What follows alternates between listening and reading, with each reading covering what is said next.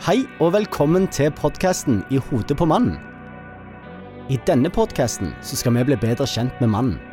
Vi tror at det å belyse viktige temaer, tabuer og myter, det vil kunne hjelpe mannen i å forstå seg sjøl og sine tanker. Men ikke minst hvordan dette virker inn på relasjoner med andre og i et samliv. Andreas er utdanna sosionom og har en master i samfunnssikkerhet. Og I tillegg er han utdanna sexolog, hvor han i dag har egen praksis. Han foreleser òg bl.a. på Universitetet i Stavanger og forskjellige andre arenaer hvor mannen ofte er tema. Og jeg, jeg er en helt normal mann på 35 år med en familie på fire, men som er kanskje litt over gjennomsnittet nysgjerrige.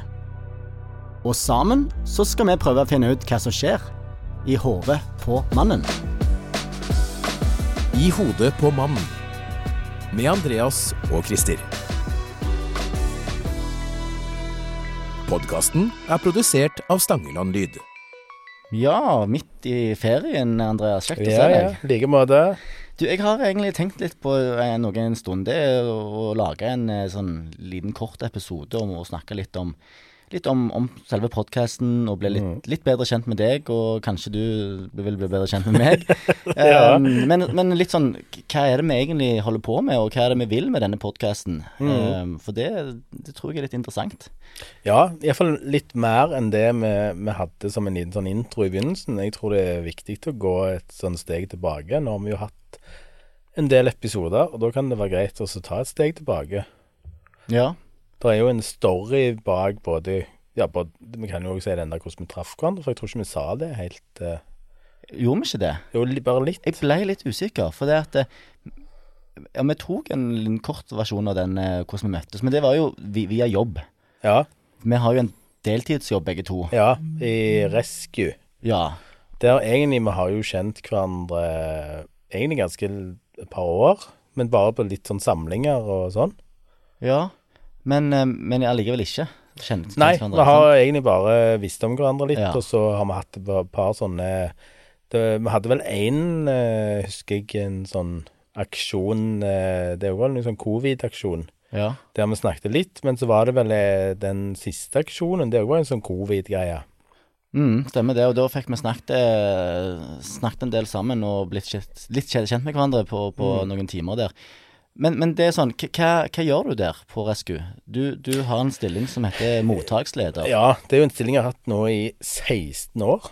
Det er den lengste jobben jeg noen gang har hatt. eh, som er som mottaksleder i uh, Rescue. Og det er jo en sånn jobb som er, handler om uh, oljenæringen.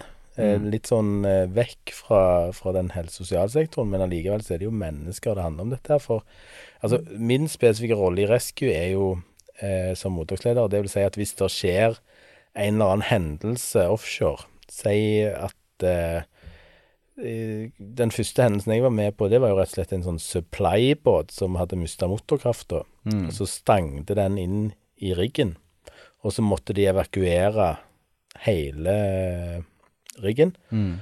Og da var min oppgave å etablere et sånn mottakssenter, det vil si vi tar rett og slett over et hotell. Mm. Og så skal jeg koordinere det arbeidet, så jeg må ha med meg en haug med frivillige eh, og eh, ulike funksjoner eh, i forhold til å drifte dette mottakssenteret. Da kommer jo på en måte De som har evakuert, kommer jo dertil. Og i en større setting, eh, hvor der Sånn som vi, vi trener jo, sant?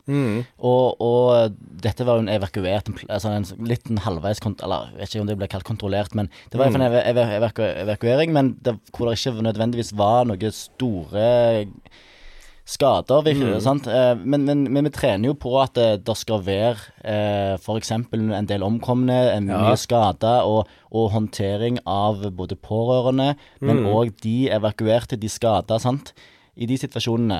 Eh, og da er det du som på en måte koordinerer det mottakssenteret. Ja, og det klart på en sånn stor operasjon med døde og sånn, så, så er det store greier. og Da, da er det ganske mye å koordinere. Da må du òg etablere grupper med prest, med psykolog. Eh, men clouet er jo om Det er jo å drive omsorg i en krise. Mm. Eh, og koordinere den omsorgen. Eh, og det, det er klart det er eh, ekstremt ulike behov som dukker opp. Mm. Eh, folk har behov for eh, å snakke med sine hjemme. Eh, de har behov for å få oversikt over eh, de som var med i ulykken, som er deres kollegaer. Mm. Veldig mye sånn informasjonsbehov som ligger der, så det må du på en måte koordinere, sånn at alle Det handler jo om å roe folk ned, Mm. fordi de trenger informasjon. Eh, folk er kanskje i sjokk, Mm. spesielt hvis der Du husker jo kanskje den som er nærmest nå, er jo Turøy-ulykka. Mm. med det helikopteret som datt ned. Det var jo tilfeldighet at det ikke var oss. Mm. Men jeg ble faktisk mobilisert på den. Mm. Fordi de trodde at det var noen av våre firma som var der. Mm. Men så viste det seg det var jo ikke det likevel. Men det er jo en sånn her, Da snakker du åtte-ni døde, da. Eh, det er klart det er enormt behov for eh, en form for informasjon og omsorg i den situasjonen. Eh, og så er det mye På en sånn evakuering så er det mye sånn praktiske ting. Sant? Dette med mat, dette med Klær. klær, som har vist seg å være eh, ikke bare problemet. Ja. Så, det, så det, det der koordiner... Det, det, når det først skjer noe der, så er det ganske sånn Det er en ganske heftig oppgave. Nå må du eh, Mobilen din ligger der på bordet og lager lyder, så vi kan sette den på lydløs når du Ja, jeg skal gjøre det.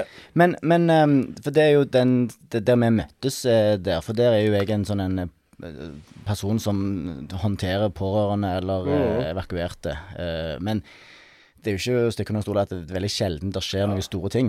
Bank i Eh, bordet. Bank i bordet, sant. Men det, vi trener jo mye, og det er veldig interessante, interessante greier å være med på. Mm. Men, men OK. Um, du er jo òg sexolog, som de fleste som har hørt på disse, Ja. episodene, har fått med seg. Og, og det er jo for meg, og for kanskje mange, en ganske interessant eh, tittel, eller eh, Ja. Altså, Det er ikke så mange menn her i området, iallfall. Det er meg og for, for, for jeg Det er husker jo for Jeg tenker jo når jeg er sexolog, når jeg smaker på det ordet, da tenker jeg sånn Hva vet jeg egentlig om, om det? Mm. Husker du da vi var 15 eller 14 på ungdomsskolen, når vi skulle liksom bane oss og finne ut hvem vi skulle bli når vi ble store, så, så, så var jo det der sexolog, det er jo en sti stillingstittel, sant. Ja. Eh, Og da tenkte jeg sånn, hva, hva er det de kan? Er de sånn eksperter på Kamasutra, liksom? Er det, er det det som For vi tenker jo, når vi er på den alderen, så tenker vi jo bare sex. De fleste tenker sex når de tenker Men du er ikke ekspert på Kamasutra. Ikke i det hele tatt. Eh, men det er de sexologene som påberoper seg det òg. Eh, veldig forskjellige eh, typer sånn sexologiske identiteter, da. Noen eh, har veldig mye fokus på dette med skjønning, sant. Altså, nå er jo det veldig sånn oppe i dagen, dette med, med ulike kjønn og hen, og er veldig engasjert i den eh, retningen. Og så har du de som er veldig sånn spesifikke inn på det seksuelle. Mm. Som sikkert har eh, kontoret fullt med forskjellige typer utstyr og legetøy og har sånn Kamasutra-tilnærming, der de driver gjerne kurs. Jeg vet hun på Sandnes driver jo en del kurs. Marte. Men, men kan jeg spørre da, du som har tatt utdannelse innenfor sexologi, Mm. ja, hvor stor del av utdanninga handler om sex, da? Veldig lite, egentlig. Det er veldig mye psykologi. Men det som slo meg som kanskje det er mest av, det er historie. Historie? Ja, for det at det er veldig mye av vår Napoleon og sånn? Ja, ja, ja. Hele pakketet. Eh, eh, veldig mye av vår seksualitet er jo eh, Av de gamle grekerne? ja, det er klart det. Hvis du, hvis du knytter det tilbake til der, så det var mye sex i den tida, for å si det sånn. Og menn og menn og kvinner og kvinner og, Ja. og orgier og hele pakken.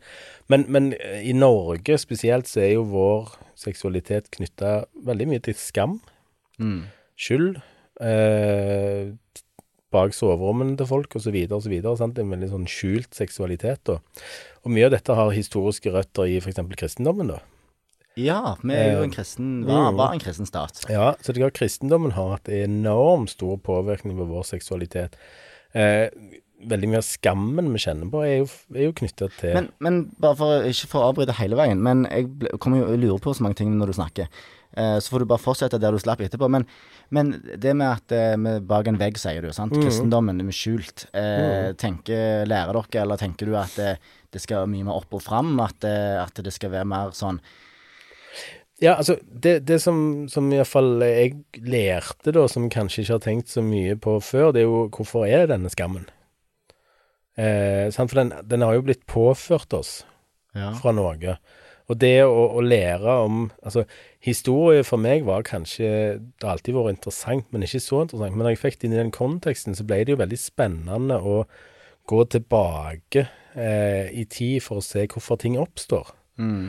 Eh, og, og spesielt i norsk kontekst, da, i og med at vi skulle ut og jobbe i Norge, og se på en måte hvor mye kirka har hatt betydning for vår seksualitet. Mm. Eh, og at kanskje andre land som der kirka har vært så sterk, ikke har den skammen. Mens vi tenker bare at de er mer frigjorte der og der og der, men kanskje ikke at kirka ikke har hatt så stor kraft. Altså, vi, Norge har jo kirka hatt enorm kraft, og den har definert mye. Ja. Sant? Den har definert mye av vår oppvekst, mye av vår oppdragelse, osv., osv.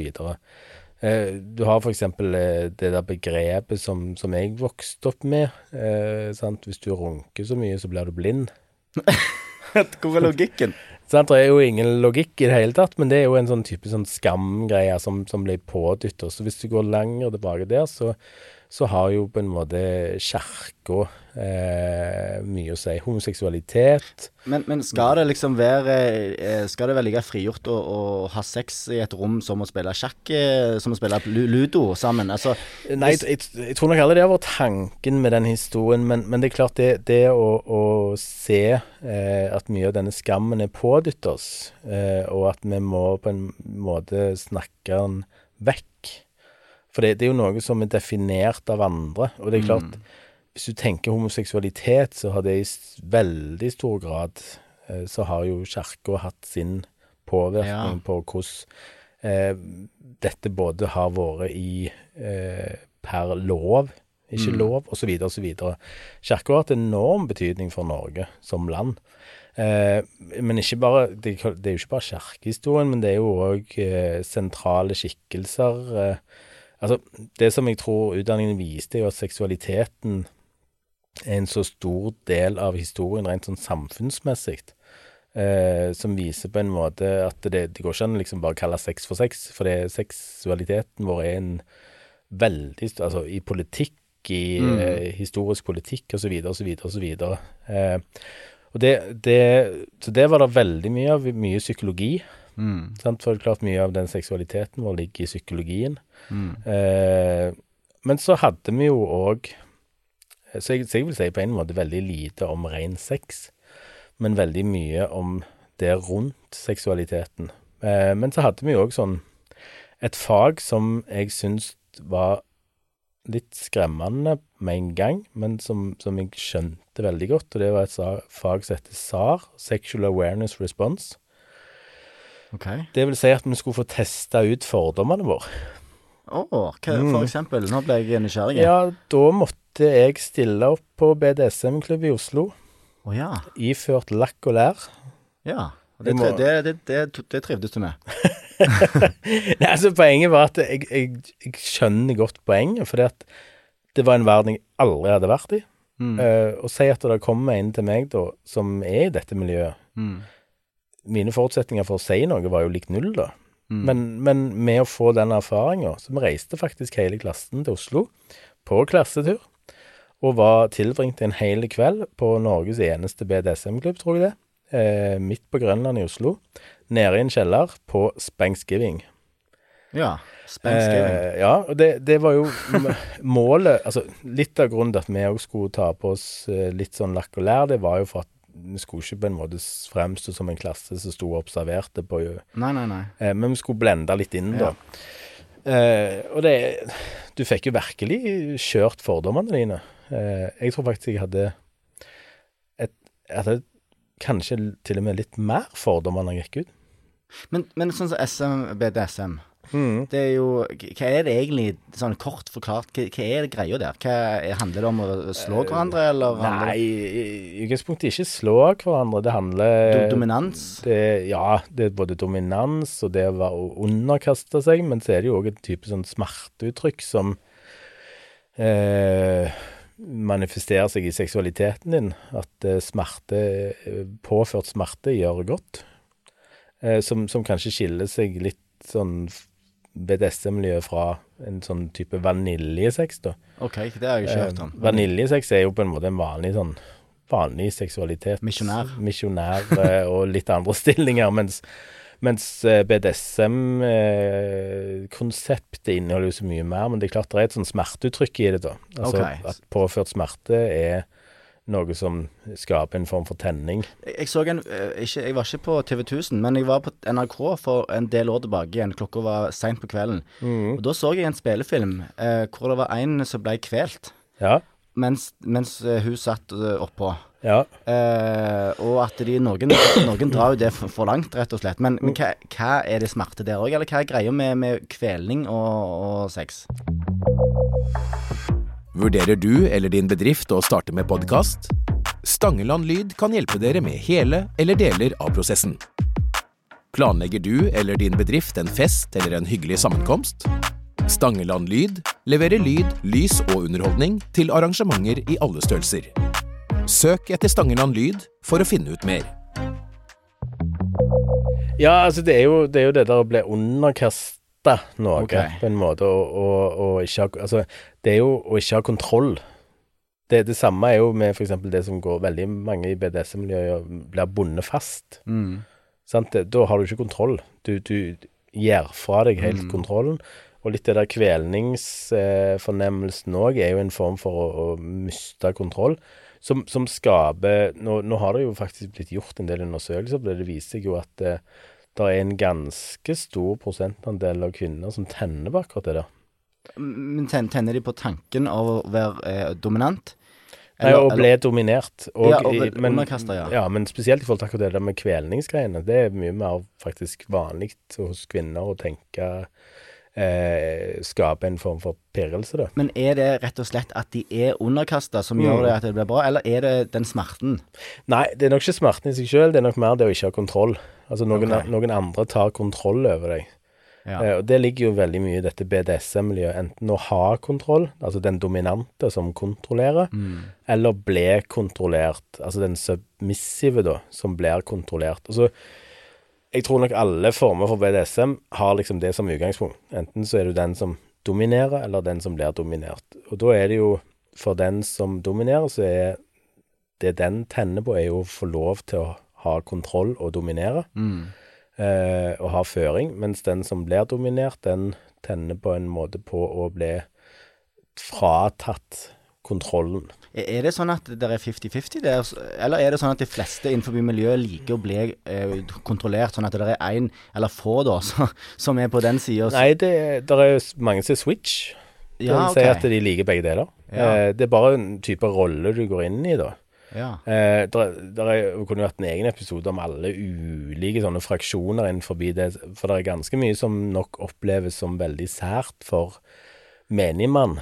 Eh, så det, det er jo ufattelig mange typer sånn BDSM-innslag i forhold til hva du liker og ikke liker der, men, men liksom hovedingrediensene er jo på en måte den her kontroll, ikke kontroll, og en form for påført smerte. Eh, når du ikke har kontroll, da. Men, men dette er jo noe som Kall det folk flest, da, ikke kjenner så mye til. Eh, men er det mer enn det vi tror? Bare de er flinke til å finne sine Altså, Ja, du, kan bare, bare si Det er det én av ti, eh, eller er det en av hundre? Altså, hvordan eh, det, det er vanskelig å si, men at det er mye som skjer i det skjulte. Og det, klart Fifty Shades of Grey-filmen fikk jo liksom dette opp på dagsorden da. Men du har eksempel ei side som eh, En sånn type sånn Facebook-side som heter Fetlife, eh, som er knytta til BDSM-miljøet. Og der så jeg at eh, det var Var det 16 000 medlemmer i Rogaland? OK. Mm. Så det er kanskje mer enn vi tror, da. Eh, det vil jeg jo 16 001 nå. så, nei, så, så klart det, det var jo en sånn veldig spesiell opplevelse å, å få testa ut fordommene sine der, og, og bli kjent med òg menneskene bak eh, denne type utøvelse, da, mm. som det var der. Og det var jo alt fra da. Det var de som virkelig har en historie, til de som har ingen historie, som bare Det var de som jobbet som lærer, det var de som var arbeidsledige, det var folk som jobbet høyt opp i systemet i Oslo byråd. Eh, sant? Så det var hele spekteret. Mm. Du hadde òg de som Den der klassiske 'jeg finner ikke tilhørighet noen plasser, men her er jeg velkommen'. OK. Sant? Så, så det, du, du hadde innslag av alt der. Det som kanskje eh, gjenspeiler mye av det, er at eh, de fleste opplever nok at dette må foregå i det skjulte, da.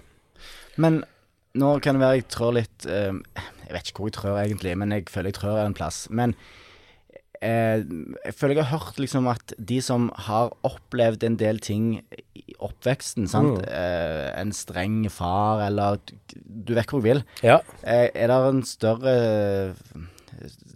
sjanse for at de eh, kommer inn i sånn en eh, Altså, det du kan si, at selvfølgelig sårbarhet i seg sjøl kan gjøre at du trekkes mot det. Ja. Det var f.eks. mange som hadde en type oppvekst som var prega av eh, selvskading, rus, Mm. eh, omsorgssvikt osv. Eh, men, men der hadde du nok et innslag av eh, Det er veldig vanskelig å trekke en konklusjon der, for du hadde innslag av alt. Ja. Sant? Du hadde òg han som var lærer, som aldri hadde hatt noen utfordringer i livet. Så det representerte egentlig samfunnet generelt, da? Ja, på mange måter, men, men det, det, det er klart at eh, eh, At dette blir definert som en subgruppe, eh, det gjør det jo. Eh, det jeg sa at det er det skjulte, som gjør at eh, kanskje sårbare mennesker får en form for tilhørighet der de ikke får andre plasser. Eh, for det er en veldig stor sånn aksept innenfor Mm. denne gruppen. Mm. Som Og, og eh, mye av disse tingene er blitt definert som annerledes, og kanskje til og med feil. Mm. Eh, som gjør at du òg trekker Altså at en form for sårbarhet trekkes inn imot det. Fordi at hvis du har hatt ei heavy oppvekst, Mm. så føler du deg kanskje litt utenfor allerede. Mm. Så da blir det kanskje lett å søke ei gruppe som òg er utenfor. Ja. Felles, fellesskapet der, på en måte. Men, men, men du, er jo, du er selvfølgelig inne på et poeng, men, men om det representerer en større andel Men, men ja, det er klart eh, en form for type sånn avvik Mm. i eh, oppvekst Mm. eh, vil òg påvirke voksenlivet. Ja. Som gjør at kanskje dette smerteuttrykket er noe som du trekkes imot. Mm. Eh, vi, klart vi vet jo at mange som har hatt omsorg, kan ha problemer med nære relasjoner. Det er lettere å ha en type seksualitet som er eh, flyktig, som handler om noe annet, Mm. eh, osv., osv. Så, så, det- så det er klart, sårbarheter vil det være i dette miljøet som alle andre, men, men eh, Ja, men eh, nå skal jo egentlig ikke denne episoden handle om BDSM. Nei, men, nei men, det, var, det var litt spennende. Men ja, det, var jo en del av det. Vi var òg på swingersklubb. Eh, den- Du og Ida? Nei, nei, det var ikke med Ida. Det var med hele klassen, det òg. Eh, som der vi òg måtte på en måte se. Det, Ja. det var jo observasjon. Eh, eh, der òg fikk jeg nok mer fordommer, men dette var jo en swingersklubb. Jeg vet det er jo veldig mange swingersmiljøer, men dette var jo en swingersklubb. Men det, hele greiene var jo for at vi skulle faktisk kjenne litt på hva, hva tenker jeg når jeg ser dette. Eh, vi skulle òg på en sånn planlagt Amsterdam-tur der vi skulle innom en del sånne ting, der mens pandemien eh, skapte litt problems der. Men, men SAR som, som fag var veldig bra, for jeg fikk virkelig på en måte mm, innblikk i mine egne fordommer. Ja. Eh, og det tror jeg mange gjorde. Det var mange òg som ikke ville, for okay. de syntes det ble litt for tøft. Oh, ja. Husker det var et par i klassen som ikke fikk lov av sine menn. Å ja, sånn ja. Ja. Ja, for det, det, det òg er jo noe at eh, du var jo egentlig nesten den eneste hane i høneflokken. Jeg var den, det var meg og Espen Ester, Ja. som, som for så vidt er ja, Nå er jo ikke Espen Ester en mann, han er en hen. Eh, Ja. Så jeg var faktisk den eneste mannen i eh, For, hva, ja, for da lurer jeg på sånn, hva, gjør du som, hva var det som gjorde at du på en måte fant ut at jeg vil bli, jeg vil bli sexolog? Jo, altså Dette starta når jeg jobbet i Uteseksjonen for mange mange år siden. Og jeg var med i eh, en type paneldebatt som gikk på eh, Skeive i Stavanger. Mm. Og så ble vi jo ganske godt kjent med dette miljøet, og så det endte òg med en, et par sånne begravelser med unge gutter som, som eh, tok livet sitt. Oi. Eh, for den legningsdelen Ja. ble for tøff. Ja. Som gjorde at jeg tenkte den gang da at dette vil jeg ha mer kunnskap om. For jeg følte meg egentlig litt sånn Her har jeg ikke nok kompetanse når jeg jobbet i uteseksjonen. Så, så søkte jeg hva kompetanse kan jeg få, og så var det jo dette studiet i Grimstad da, som var to år. Men så tok det jo 20 år, mest 20 år før jeg tok det, da. Eh, Jeg tok iallfall 16, og litt av grunnen var at jeg eh, jobbet da som eh, foreleser på VID, eh, på vernepleien. Der jeg opplevde egentlig at det miljøet der hadde et veldig sånn merkelig forhold til seksualitet, for det skulle vi ikke snakke om Nei, på en måte. Det, det var liksom eh, ut, Vernepleien er jo veldig retta inn mot utviklingshemming. Ja. Og da de snakket om den utviklingshemmede, ikke om mann-kvinne. Nei. Eh, og jeg, da ble jeg litt provosert. Så jeg tenkte Egentlig så begynte jeg på studiet for å provosere litt. OK. Det var, men så hadde jeg jo selvfølgelig hatt dette studiet i bakhodet i mange år. Eh, og jeg visste at det var et veldig sånn godt supplement til det jeg allerede jobbet med. Mm. Men det var faktisk for å provosere litt. For jeg ble litt provosert av det der når de brukte uttrykk som 'den utviklingshemmede'. Mm. Eh, men det var jo eh, kanskje et my, altså et mye mer spennende eh, studie enn det jeg hadde tenkt, fordi at det viste meg jo hvor mye som ligger i denne historien og psykologien og, og Bibelen og, Mm. og ting der som handler om seksualitet osv. osv. Eh, men ja, så, så det, det var nok på en måte litt sånn kickstarten, og det passet greit sånn tidsmessig til å begynne på det. Ja, for, for um, du, du har jo ikke Du har gjort mye forskjellig. Altså, Mm. De som har hørt episodene, har jo hørt at eh, For du er jo flink. Eh, det, det må du, nå, må du, nå må du lære deg å ta imot litt skryt. Takk, Kristian. Um, du kan jo mye om mye, Uh, og mye om mennesker. Uh, mye om menn. Uh, du er jo sosionom ja, Yvonne, ja. ja. i bånn, og så har du jobbet med mennesker. Det som Det er jo det som er den røde tråden. Ja. Mm. Og du har forelest mye. Mm. Eh, det er mye spennende du har gjort, egentlig. Hva, altså, ta sånn veldig kort, egentlig. Vi har jo litt snakket om det før, men Ja, altså, jeg har jo hatt Jeg var, jeg var nok veldig sånn trygg i begynnelsen, sant, for da gikk jeg fra Jobbet i psykiatrien mens jeg studerte. Og så tenkte jeg at det er en sånn trygg jobb i kommunen, det må være greit. Jeg kommer jo fra en sosialistisk familie, sant. Det er litt sånn mm, Du skal begynne på en jobb, og så skal du være der. mm, var liksom min fars mantra, da. Eh, så jeg begynte jo som saksbehandler i barnevernet. Eh, og var veldig ung når jeg begynte til å begynne i barnevernet. Eh, jeg fikk med 100% sikkerhet den jobben fordi jeg var mann. ja. For når jeg begynte i barnevernstjenesten i 2002, så var jeg Da var det tre menn i hele barnevernstjenesten. Ja. Eh, så jeg var heldig og fikk den faktisk på grunn av kjønnet mitt. For jeg hadde ikke den erfaringen. Jeg begynte dagen etter eksamen på bacheloren. For det, da hadde du bachelor i sosionomi. Eller sosionom. Sosionom Ja. ja. jeg må jo Ja, nei. Ja, sosialt arbeid heter det nå.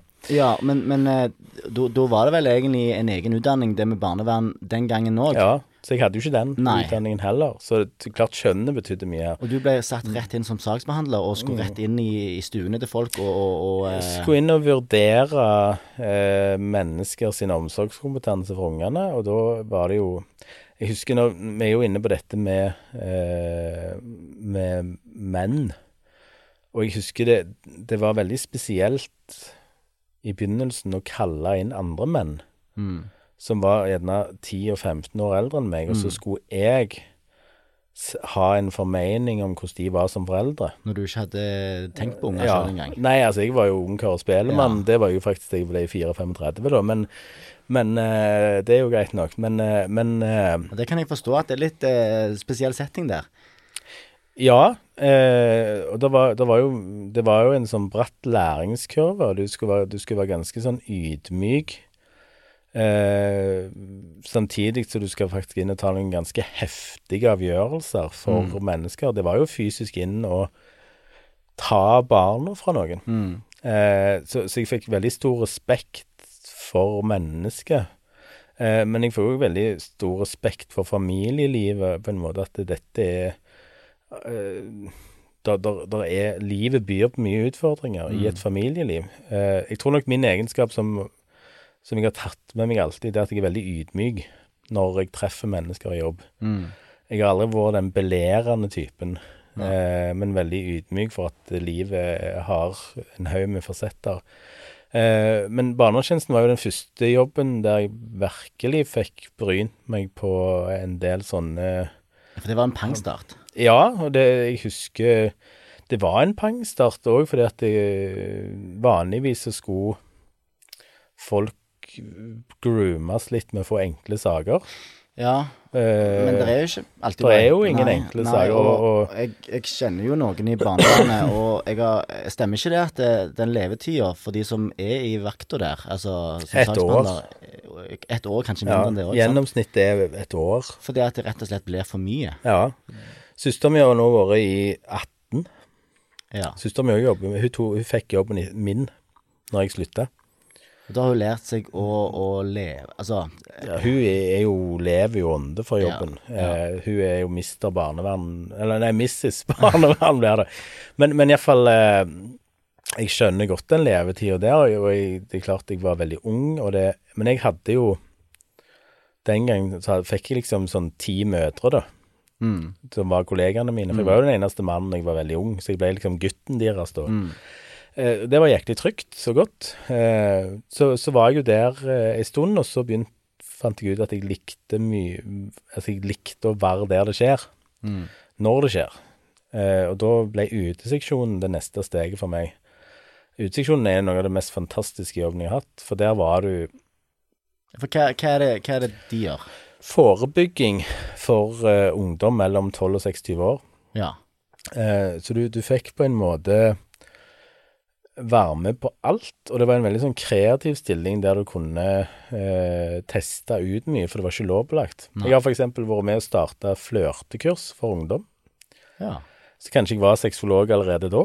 Ja, ja. Eh, men, men, tanken der var jo det, Da fikk vi inn sjenerte elever som lærerne mente var eh, litt for Altså, de hadde mye å by på, men de fikk det ikke fram i timen. Mm. Og da tenker vi hvordan skal vi få denne gjengen opp og fram? Eh, jo, vi lager et flørtekurs. For flørting handler jo om å by på seg sjøl. Eh, så det var, det var, liksom sånn Dette her, livet på uteseksjonen var fylt med kontraster.